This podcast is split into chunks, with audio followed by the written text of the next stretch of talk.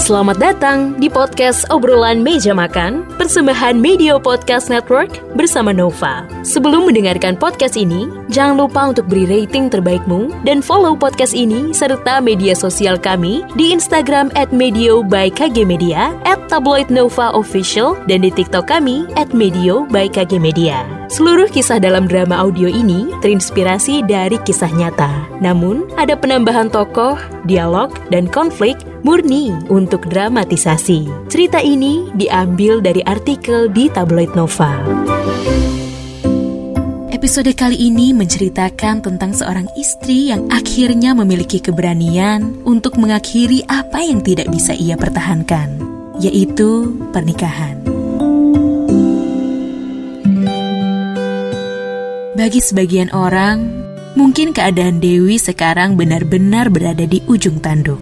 Pilihannya hanya dia mau menyelamatkan diri sendiri atau memasrahkan diri untuk sakit seumur hidup. Mempunyai suami hobi judi, tukang selingkuh, tidak pernah memberinya nafkah. Bukankah itu sama saja seperti hidup dengan duri menancap di sekujur tubuh? Rasanya tersiksa. Dewi yang membiarkan hal itu selama satu tahun, akhirnya ingin mengakhiri pernikahannya. Nanti kamu pulang jam berapa, Mas? Mas? Hmm, manis. Mas? Apa?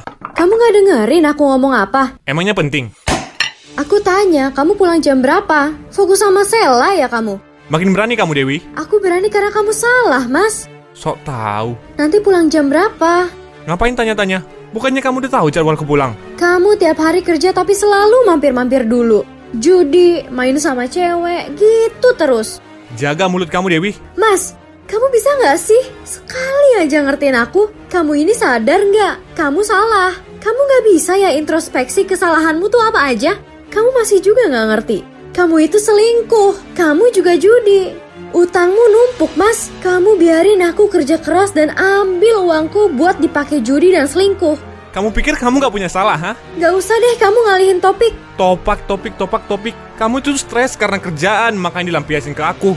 Bisa aja kamu. Bisa-bisa makin gila aku ngadepin sifat kekanakan kamu itu. Mas! Apa? Ngomong. Kamu mau salahin Sela? Awalnya aku emang salahin dia, Mas. Tapi aku jadi paham, kamu itu selingkuh dalam keadaan sadar. Kamu juga salah. Kamu bahkan mulai berani terang-terangan kirim pesan keselingkuhanmu itu di depanku. Udah gak punya muka ya kamu mas? Kamu ini istriku Dewi yang sopan sama suami. Suami? Kamu masih bisa disebut suami? Kurang ajar, kuliah lihat kamu makin berani.